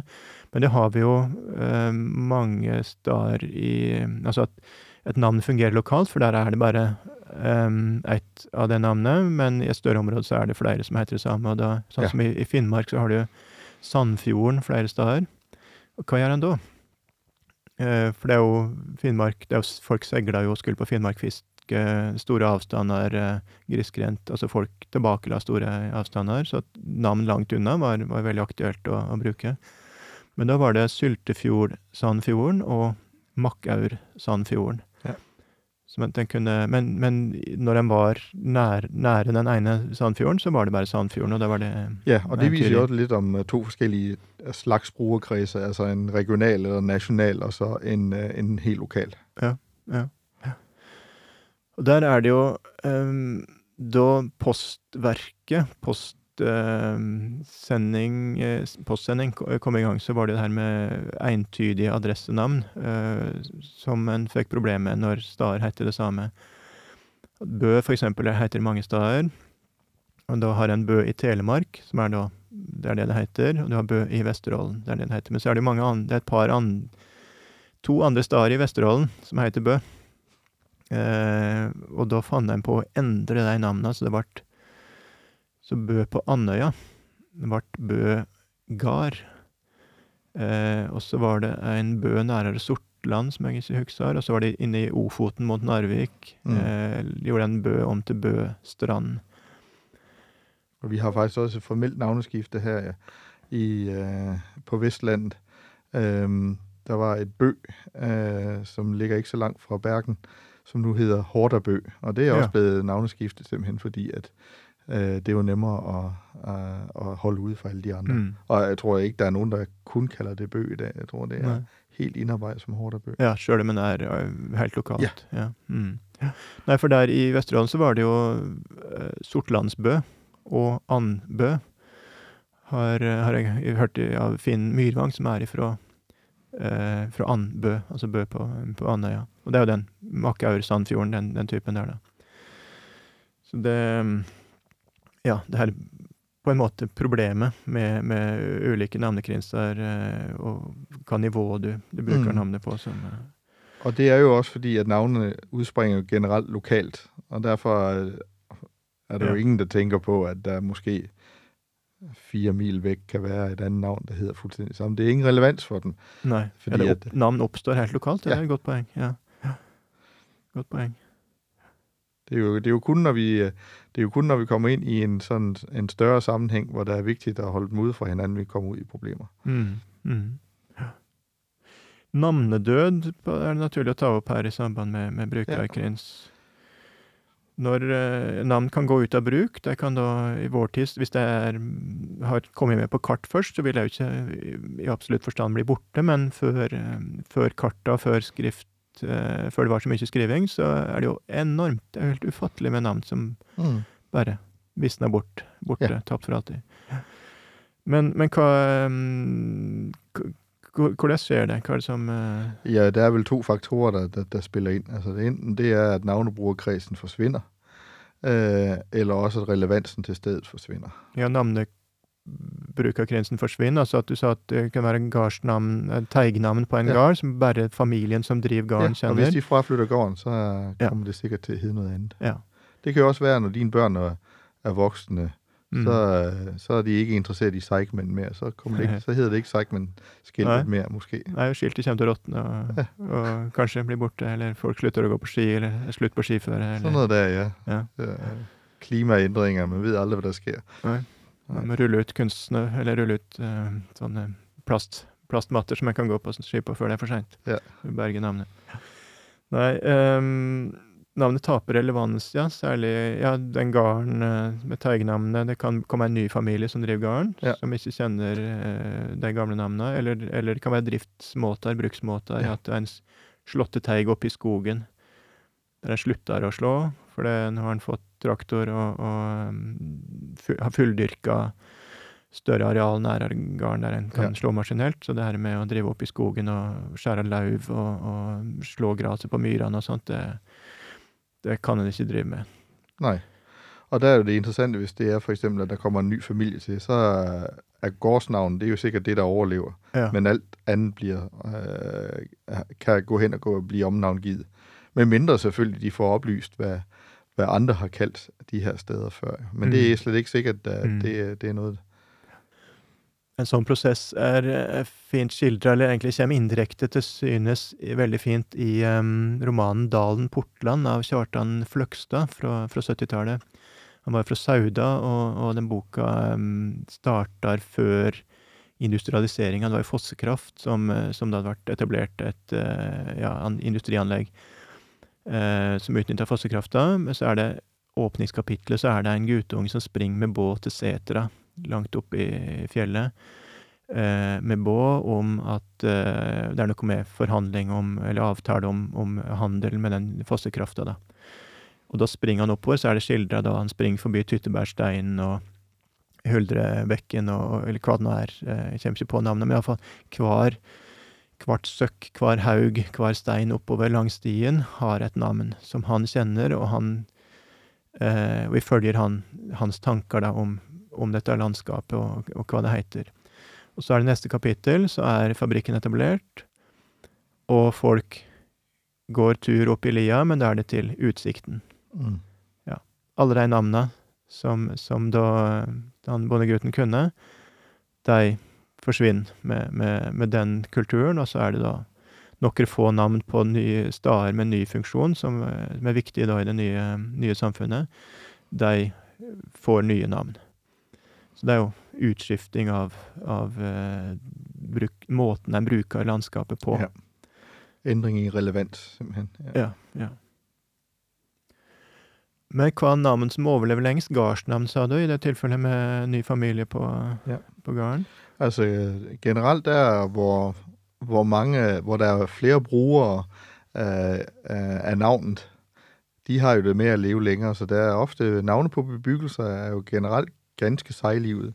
Øh, navne på øh, øh, orienteringspunkter i landskabet kan jo også have, være, være ganske alderdommeligt. Landemærke. som Landemærke. Vi, har jo også, vi, vi snakker jo lidt om de her øh, utrolig gamle ø-navne her. Det er jo også et eksempel på, at, at de, øh, at de, de, de øh, lever videre, fordi at der er en, en brugerkreds stor nok til, og, og at de kan leve videre. Ja. Så navn på store formasjoner, i, Ja. eh, eller, eller gårder, som da ikke er store formasjoner, men altså punkt som er stader som er På noen viktige, områder, så har vi, viktige i livet og samfunnet. ja, på noen områder, så har vi også øh, øh, områdenavne, altså Ringerike, Hallingdal, Ja. ja. Hordaland, Rogaland. Mm. Det, som jo så bare er interessant med dem, det er jo, at de er slet ikke er stabile i, hva skal man si, i omfang. Nei, stemmer. Og det um, syns jeg er litt leit. Ringerike Ja. var jo et svært distrikt, og så ble det navn på en kommune. Og da blir det feil, eller det blir misforstått, eller folk kan mene at det er feil, eh, å, å bruke det i den tradisjonelle tyinga om distriktet Salten, nei, eh, Rana. Likeens i Nordland eh, var et distrikt. Det ble navnet på en kommune som er mindre enn det gamle distriktet. Det mm, Ja, sånn kultur eh, I kulturvernperspektiv litt, eh, litt ugreit, egentlig. Sant? Så kan en da snu på det og si at nei, men sånn er det alltid. Og de distriktsnavnene er jo de gamle futedømene, fogderia, som danskene etablerte, og de eh, varierte over tid. Så, Mm, helt ja. så det er ikke noe Det er ikke sånn naturlov eller noe sånn eh, eh, Hogge i stein. Eh, det, det, ja, kultur endrer seg. Kan det- Nej, og hvis du skal se det ud fra et sådan kulturhistorisk perspektiv, så er det måske bedre at navnet er i brug, men måske ikke om den samme lokalitet. Vi har jo masser af, af bebyggelse, der hedder noget med land, eller med, med sjø, eller med myr, eller noget lignende. Mm. Øh, og det er jo ikke fordi, at, at de, at de er, er, er, er det, som, som navnet siger, det er. Det er fordi, de er placeret i nærheden af. Så du har jo sådan set et navneskift der også. Altså, du har, du har et øh, øh, skift af, fra en type lokalitet over på en anden lokalitet. Jo. Så, Mm. så det, det er jo Mm, noget, som mm. forekommer ganske ofte. Ja, nettopp. ja. Det er, på en måte feil. garn heter Myra, Ja, men ja. eh, garn er for svart ikke noe myr. eller, eh, eller vatnet og sånt. Nei, garn er ikke noe vann, det er tørt land, faktisk. Ja, helt Eh, klart. Ja, ja da. Ehm, så det mm, Det å eh, kalle opp etter noe som er like ved, yeah. og ikke på eh, helt presis på, på staden. Ja. Godt poeng. Nei, men eh, store formasjoner, na- fjellnavn, ja. Um. Øh, fj- fjorde, ja. vennløp Ja. alt, Elver, Glomma. Ja. Alt det det, som har relevans også, når man beveger seg i landskapet. Ja. Ja. Broer. Du kan jo ha eldgamle navne på broer også. Ja, har du Ok, kanskje særlig på dine kanter? Ja, vi har jo, øh, vi har jo noen få, altså øh, ikke så langt fra, hvor jeg er, der er der et sted, som heter Nybro. Ja. Øh, og det øh, har altid undret mennesker, hvorfor noe heter Nybro, fordi Ja. ja. at, øh, at, at da broen ble anlagt, der i slutningen, av 1700-tallet, tror jeg, den første sånn stabile bro kom, Mm. som jo også måtte bygges om flere gange, og som var ude af brug af til. Øh, der havde der ikke været nogen bro før. Nei. Øh, men øh, så fandt man jo her for en 15 år siden, eller lidt over det, øh, faktisk en bro helt tilbage fra vikingetiden. Ja. Øhm, så er det jo så interessant, at, øh, at øh, enten så må traditionen om bro have levet længe, eller Mm. også så øh, er den blevet afløst af en, af en nyere bro, Mm. som man bare ikke har fundet spor af øh, arkeologisk. Ja. Ja. Ja. Gamle fjellnavn, Sidjo i Sunnhordland, er det er egentlig den du ser, gammelnorsk sigg. Ja. Du har eh, her i Bergen Ulrikken, og gammelnorsk Ålreker, eh, Mm. som antakelig som du ser vidt ikring. Det òg Hornelen oppe i, i Sunnfjord. Gamle innsjønavn, Femund, ja, Sperilden nevnte du. Mm-hmm. Mjøsa. Randsfjorden heter Rand. Det er jo det som vi, Det der skiftet rundt av 500 Ja. betyr bare rond, altså Nei, det rond, altså ei rand, ei stripe. Ja. Ja, OK. Um, Ja. Eller så er det jo gardsnavn særlig som vi har, gamle, som vi har heimla tidlig. altså Fordi at det var viktig økonomisk, så er det gardsnavn spesielt som er, er um, oppskrivne tidlig, som i dag, der vi har eh, Du har også behov lokalt i, i samfunnet til å kunne, kunne angive, Ja. øh, hvor folk er, og hvor, de, hvor man skal sende folk hen, hvis de spør om vei osv. så videre. Så, Ja. så de har jo de, de har jo de har litt en, en, en tosidig funksjon, Mm. både lokalt, men også fra et administrativt perspektiv. Mm. Mm. Men eh, så er det spørsmålet om navnet kan overleve språkskift, språkskifte, altså utskifting av folk. Hvis det er en ny familie på en gard, så er det da, i vårt perspektiv, vårt land, så vil det oftest være da samme språk, men du har jo også eh, Det kan komme inn nye folk med et nytt språk. Og, og så er det spørsmålet om, om navnet kan overleve. Uh, Ja, den det gjelder højeste grad. Ja. Helt vanligt at gøre det. Ja, ja. Altså, øh, i vikingetiden, så rejste øh, jo ganske mange øh, mennesker fra Norge mod øh, Vesterhavsøerne. Mm. Og der har vi jo i, i, i, i, de, i de skotske, på de skotske øer, der har vi jo utrolig mange stednavne af, af skandinavisk oprindelse. Ja, så skandinavene kom inn med, med sine, eh, la sine navn på landet.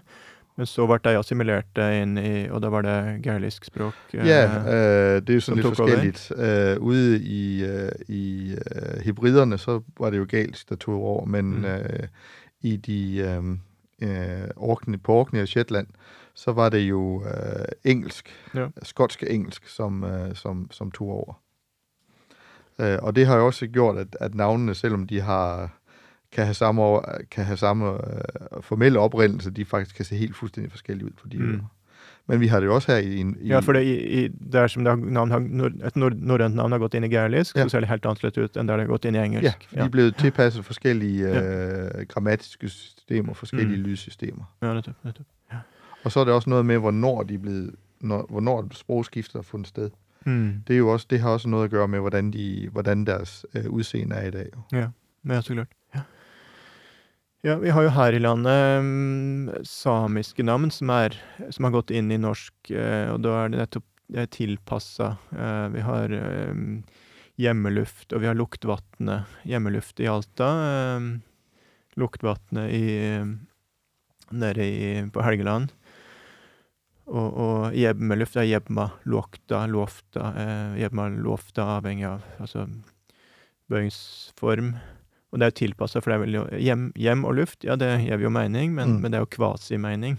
Ja. Det er liksom Jeg har det lufta heime Det blir jo det er bare, bare vas, sånn eh, eh, oppfatta som norsk, men det er jo tilpassing, da, og det har vi jo mye Ja, Mississippi i USA, eh, Mm. altså indiansk navn som har gått inn i engelsk. Det høres ut som det er ei Mrs., ei frue, så, men, Ja. men ja vel, Mr. Sippi, var ikke han eh, Fikk ikke han være med? Um, Luktvatn er det samme som uh, låkta, lofta, altså bukt, uh, Ja. vik, uh, vatn som ikke lukter, men som det er mange, mange viker i. Det, som jo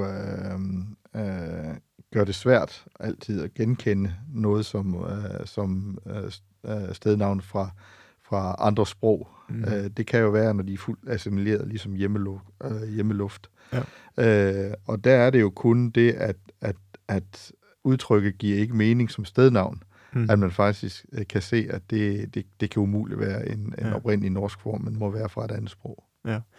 Og der er det jo det er, um, det er finske språkhistorikere som, som først kom med den um, teorien, som nå har ganske brei tilslutning, at det har vært et, um, et språk på Nordkalotten som eh, har gått tapt, som vi ikke kjenner annet enn gjennom låneord i samisk. Og den er kommet fram til med å sortere hele det samiske ordtilfanget i sekker, at dette er de uralske arveordene, altså de som er fra, fra det språket som samisk stammer ifra. Og her har vi lånord fra russisk, her har vi lånord fra tysk, her har vi lånord fra nordvest-indoeuropeisk, her har vi lånord fra eh, urnordisk, lånord fra mellomalder, nordisk osv. Og, og den gjør det der, så får den en rest.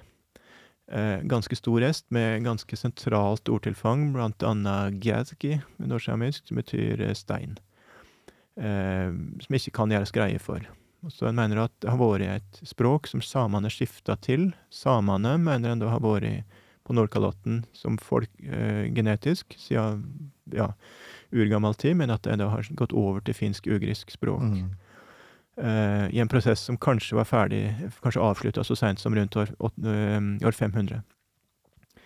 Usikkert, så klart. Men, uh, men da lurer Da man lurer på da om det ikke er en god del av de nordiske navna i Nord-Norge som, som stammer fra det språket. Du har Lofoten, Ofoten, Vargfot var um, um, vel Vestvågøya på, på gammelnorsk. Um, det ser ut til å, å være som hjemmeluft, altså at det gir kvasimening. Mm. Fot det har vi jo, ja vel, men ofot, hva skulle det være for noe? Nemlig.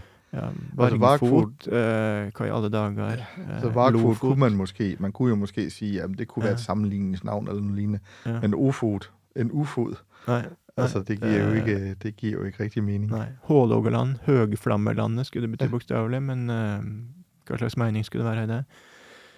Og det har ikke mangla på forsøk. Folk har prøvd og prøvd og prøvd å tolke den typen eh, nordnorske navn, og det kom i eh, lite ut av det, må en vel eh, konstatere.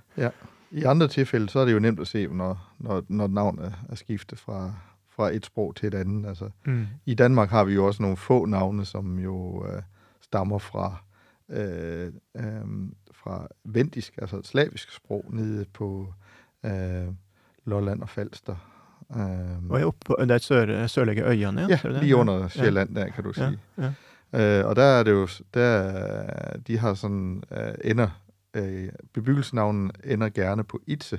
Ja. Du har Tilitse, Binitse, Køditse, øh, Kramnitse, så Ja. videre.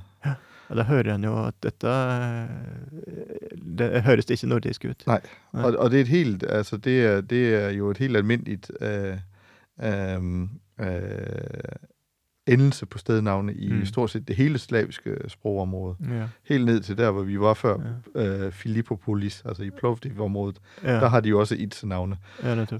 Øh, Ja.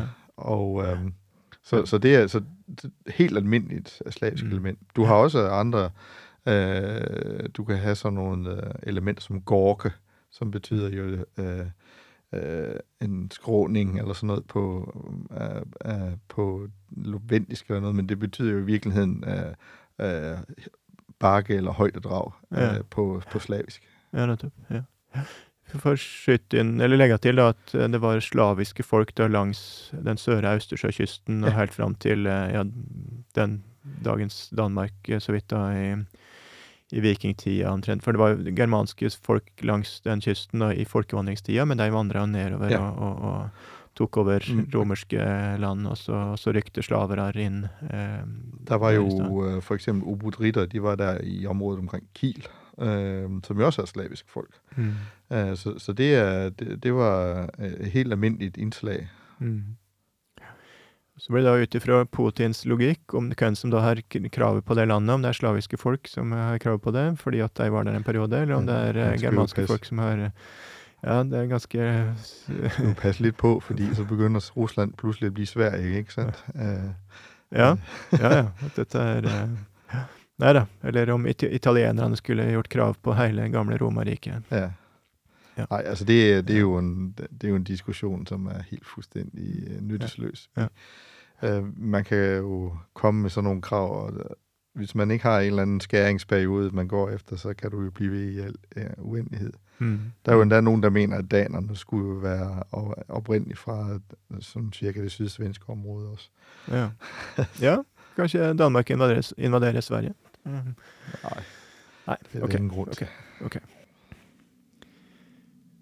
Uforklarte navn er det jo en god del av. Nordpå er det enklere å si at eh, ja, men dette kan være fra samisk, eller det, det kan være fra dette tapte um, paleoeuropeiske språket, er det en snakker om, som en mener eksisterte.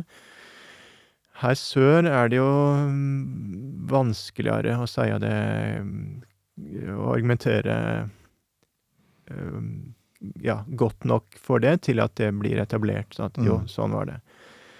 Vi har jo um, Men altså, det betyder jo ikke, at vi ikke altid ved, hvad et stednavn oprindeligt har, har betydet. hvis, hvis navnene er gamle nok, så øh, Ja. ved vi ikke nødvendigvis, hvad oprindelsen er. Vi Nej. Kender måske ikke engang øh, helt rigtigt, hvad øh, ordets betydning har Mm. været dengang. Ja. Ja, siste forskninga, nå tverrfaglige forskere, mener jo at eh, indoeuropeisk språk kom til Vest-Europa i steinalderen, faktisk, da, Mm. med snorkeramikkulturen. Og da em, Men til Norden er vel seinere uansett, da, men, men iallfall så em, tør vi nå å snakke om germansk språk i Norden i bronsealderen. Altså før 500 før Kristus, iallfall. Ned mot 1000 Ned mot 2000 før Kristus. Fullt mulig med nordisk språk i, i Norden, og i så fall så klart at eh, gamle germanske navn her mm, kan ha endra seg veldig sterkt, Mhm. slik at jeg ikke er til å kjenne at uh, Og trenger slett ikke komme fra noe, noe annet språk, nei. Men det er jo en mulighet, for det er, helt, det er jo ikke sånn at det har vært germansk språk her siden istida, men folk har vært her siden istida, og de må ha snakka sammen. Mm-hmm. Ja, helt klart. Så, så det er all grunn til å tro at enkelte navn som, uh, som vi ikke får mening i, kan være lånt ifra fra, ja, forsvunnet språk. Tarva har vi øy på Trøndelagskysten. Beitstad, Beistan i Trøndelag. Stad er jo eh, som i andre gardsnavn, men Beit skal være uforklart. Femris eh, er øy på, på Helgeland. Skal være uforklart. Femunden, avlenga und har vi som germansk, men forleddet eh, skal være uforklart. Flekkefjord, fjord er noe greit, men det her Mm. flekk, hva det skal være. Herand eller Herand i Hardanger. And, avleding, som vi kjenner i germansk, men førleddet. Hønen, som Hønefoss er avledet av. Hønen, det, eh, det er vinnavn. Altså en stammer fra et, et ledd som har vært i vin, men høn, visstnok uforklart. Leka, øynavn på eh, Sør-Helgeland.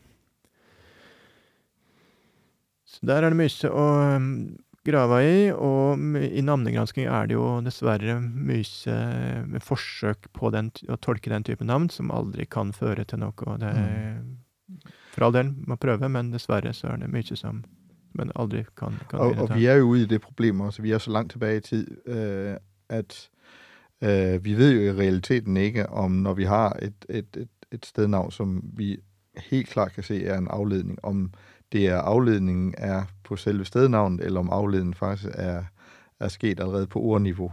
Mm. Øhm, og øhm, så, så der er utrolig mange usikkerhedsmomenter ved at tolke navne, øh, der er så gamle. Ja. ja. Storvika er enklere. Helt klart. Altså, Ja. ja. hvis du vil have det nemt, så holder du det de navn. Eller en kan gjøre helt andre ting. Ja. Kjøre buss, selge pølser. Eller joggesko, kanskje bedre. Mentalitetshistorie, vi har vært litt innom det. Skulle sagt litt mer eh, om det? Ja, altså det er jo øhm, øh, Stednavnene øh, øh, giver jo et ganske godt billede av hvordan, øh, hvordan man har tenkt sitt liv og sin omgivelse over tid. Altså, vi har snakket litt om de der meget gamle navne, som jeg har kalt sensoriske. Vi har jo også helt moderne navne. Altså, vi har, øh, øh, vi har jo øh, utrolig mange gode repræsentanter på det, man måske kunne kalde fritidsnorge. Mm. Mm. Øh, man har øh, navne på øh, hytter, mm. øh, hyttefelter, øh, lystgårde, Mm. Øh, Sjølyst, sommerlyst. Ja, Jeg hører en på to tonelaget sommerlyst, at det er noe som Ja, det er, det er konstruert. Ja. ja. Eh, Havgløtt, Breidablikk. sådan nogle ting, ja. Ja. Og øhm, øhm, de øh, vidner jo om en, en samfundsændring, hvor det gjorde, blev almindeligt for hverdagsfolk faktisk at, øh, at have øh, fritid og mm. have Mhm. mulighed for, for at, at leve et, et, øh, et, et liv, som ikke bare var bundet til, øh, til arbejdets øh, øh, hårde slid. Mm.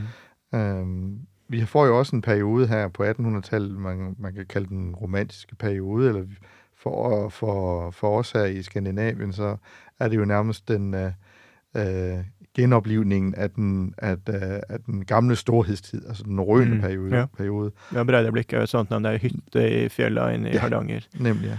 Det ligger veldig fint, men det er Breida Bl- Blik med enkel K da, i, på norrønt, men Ja. her er den gjort om til Breida Blikk, der du ser, ser breit. Og du har jo også øh, øh, øh, opkomsten af forskellige øh, navne, som, som forekommer i, øh, i sagerne, som så går hen og bliver øh, øh, givet til, til Ja. ja. andre. øh, gjemla. Ja. Og øh, vi har også øh, genforekomsten af sådan noget som Solheim, øh, som er jo et, øh, hvis det er en moderne navn, så er det jo et ønskenavn. Mm. Ønsker, at man har et dejligt, øh, varmt sted, hvor solen alltid skinner, mm. Mm. hvor man kan øh, få familie og, op- og foster børn og Mm. så videre. Mm. Og de er jo, øh, altså, de, de er jo øh, i virkeligheden dannet på fuldstændig samme elementer, Mm. mm. som man har i dem Solum og Solem og Solheim Ja. navne, vi har rundt omkring i, øh, i Norge. Ja. Men det er, de, de, de er givet ud fra et helt andet, øh, helt andet øh, perspektiv. Ja visst. Ja. Så har vi jo andre Altså veldig mange navn som vi har nevnt, øh, er jo forteller noe om landskapet eller naturen, dyrelivet Mm. eh, der. Men så er det jo sånn som Torshov og Onsøy og sånt som forteller om, om gudedyrking. Altså, Ja. Og vi mer eh, sånn i det lokale mm, Huldresteinen og, og sånne, da, som forteller at folk har hatt Eller om tanker, tankehverdag til folk, og den her eh, Hva skal jeg si, ja eh, Ja, ideologien eh, og, og, ja, tanke, tankehverdag, rett, rett og slett. Så, men da kan vi nevne, det var jo en periode i navnegranskinga 50-, 60-, 70-tallet da mange avviste at sakrale stadnavn hadde eksistert. At det var alt bare handla om arbeid og eh, naturressurser og, og slit, mer eller mindre. Men eh, ja, det er jo nå eh, veld, veldig få, eller jeg ja, har ikke tilslutna lenger, det som det synet altså, i dag. Da. Det var vel en stor del av livet. Det var jo hårdt Ja. slid, men altså, der var jo også et, der var jo helt annet der har jo alltid vært en, en forestillingsverden. Ja, nettopp. Godt sagt. Det å drømme seg bort en del av det, altså eventyr, alt sånt. Eh, Eventyr om Moskefisen og sånt, altså der en kunne, husmannsgutten kunne drømme seg bort eh, Nettopp for, fordi livet var så hardt og, Mm. og, og vanskelig, så var det viktig med, med, med sånn forestillingsverd og fortellinger Ja. og alt sånt. Og sådan noen forestillingsverdener kunne også være med til å forklare verden omkring seg. Altså, hvorfor, hvorfor lå der en, en, en stor sten lige præcis der? Jamen, det er jo fordi, at, øh, at øh, Jutulen i Storberget. Ja, hadde kastet den på- efter noe. Ja. Ja, ja. ja. Før naturvitenskapen var disse andre Ja. forklaringer. Det er jo faktisk først med vores opplysningstid oplysningstid, at uh, vi begynner at blive videnskabelige i vores tilgang til tingene. Derfor har man jo haft uh, helt andre måder at, at forklare verden på. Jo. Og det gjelder jo i navnene sjølve, altså det er folkeetymologi i navnene. Altså at en, en uh, tolker navnene som uh, uh, ja at en ikke har den vitenskapelige skoleringa der en vet at ja, språket har endra seg i faser sånn og sånn, og de lydene har endra seg til det og sånt. Når en ikke har den kunnskapen, så er det jo naturlig å lese beint ut uh, uh, tydinga av navnet. Og det, og det er vel det normale i en del andre kulturer i dag. eh.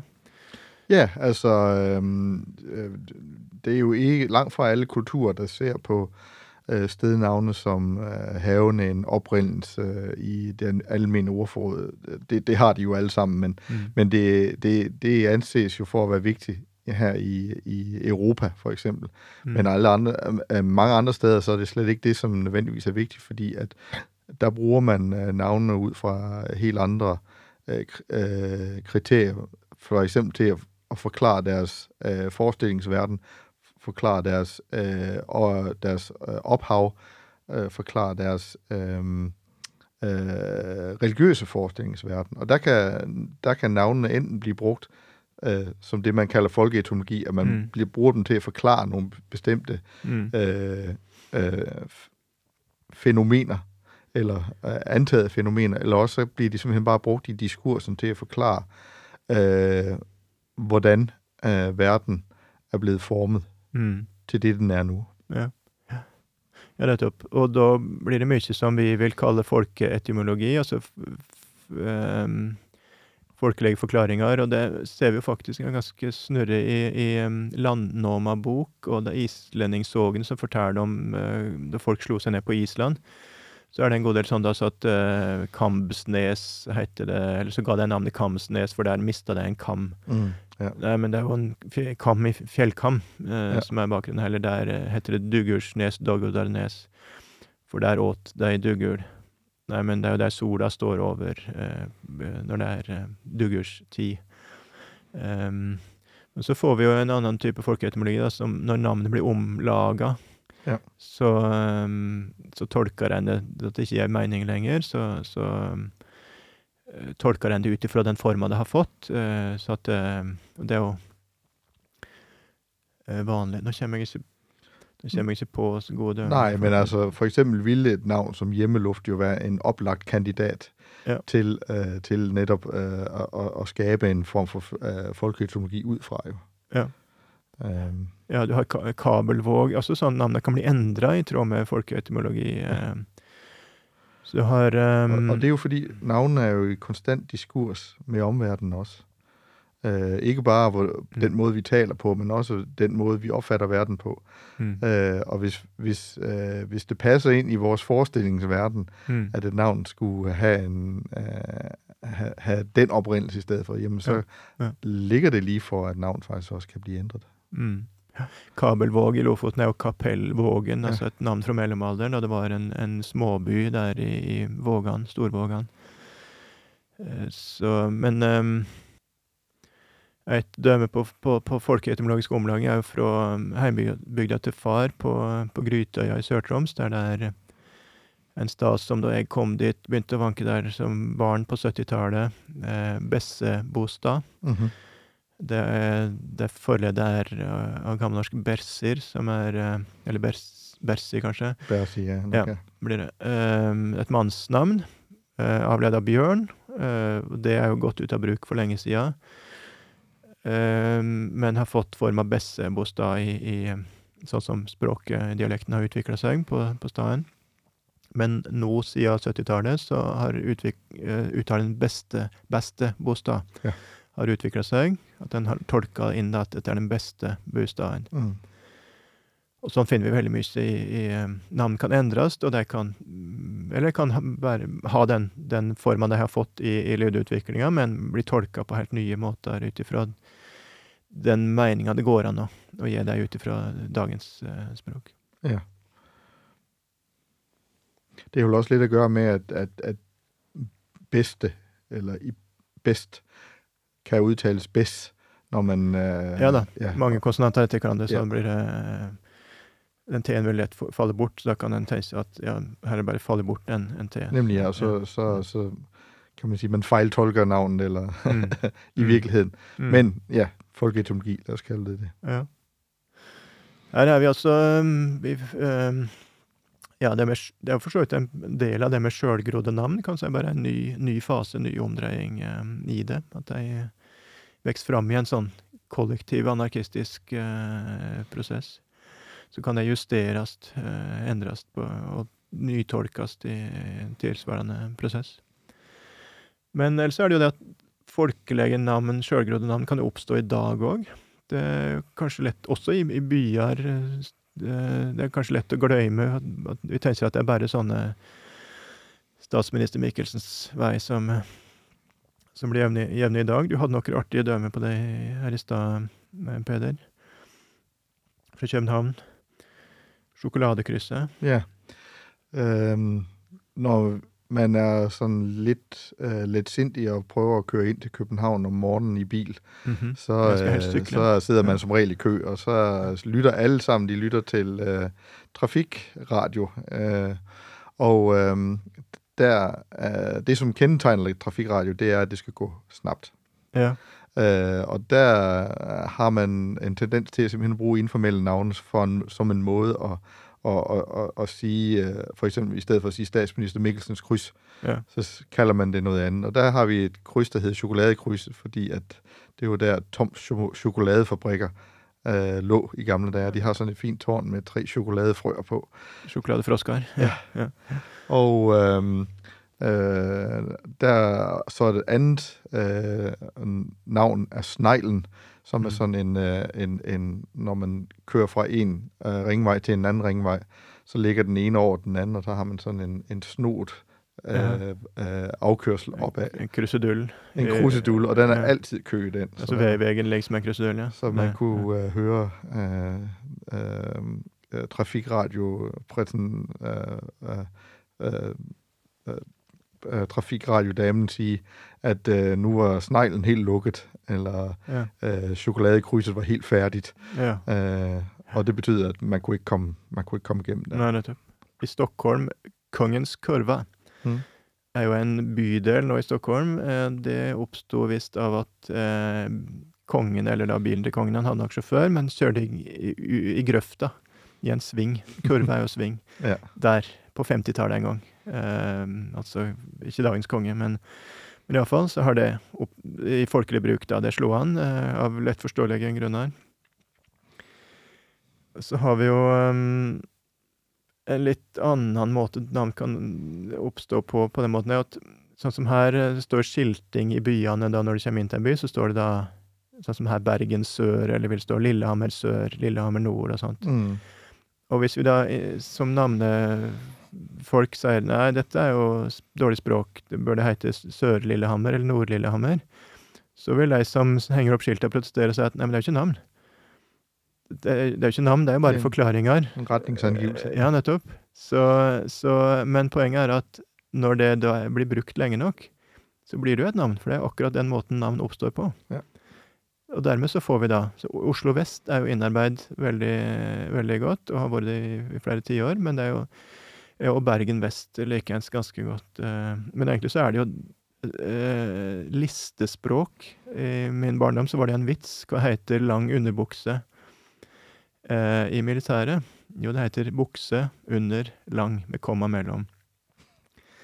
Og det er jo sånn, og ganske mange gardsnavn har fått i ganske brei bruk den forma, altså at du har eh, Østby Søndre eller noe sånt. Altså med Østby, komma Søndre, fordi at i matriklene så, så er det jo, det er jo lister der de fører det Ja. opp, og da er det jo naturlig. Du har ett hovedbruk, Østby, og så har du som er delt seinere, og så får du eh, Søre, Nordre og, og, Mm. og Vestre og sånn. Men Og derfor har du også i virkeligheten to former. Du har matrikkelformen bø nedre, eller du har Nidrobø, bø, som det står Ja. på, på kartet. på kartet, og som antakelig folk sier Ja. seg imellom i Ja, de kalder det sikkert bare bø, men øh, ja. Så da vil du få ja, Lillehammer Nordre. Lille, eller Lillehammer Nord blir det jo faktisk, ut ifra skiltet. Som kan, eh, kan bli navn. Det er nok ikke det i dag, men det vil nok uh, bli. ja, hvis det går hen og blir etableret, for eksempel at øh, hvis det blir et uh, etableret må, øh, måde at sige, at øh, i ejendomsmalersprog og sige, at jamen, det, er, det er det her område, vi mener. Så går det jo med tiden, så går det jo ind i den almindelige Ja. sprogbrug, sikkert. Og der vil jo brukergruppa være alle som passerer på E6. Ja. Så det er Helt sikkert. flere enn fire. Jepp, vi må gi oss, Peder. Ja, der er ikke mere tid. Livet går. Ja. Livet går fra oss. Ja. Men uh, takk for praten. Jamen, ingen årsager ældre. Skal det være en anden gang? Ja. Vi har jo nok at snakke om, det ved Ja, du. sakrale stadnavn og, og datering og sånt. Sakrale stadnavn, der er det mye, mye snadder. Ja. Så det blir nok. Jamen, takk for i dag. Du har nå hørt en podkast fra Høgskolen på Vestlandet. For å høre flere podkaster, besøk hvl.no slash podkast.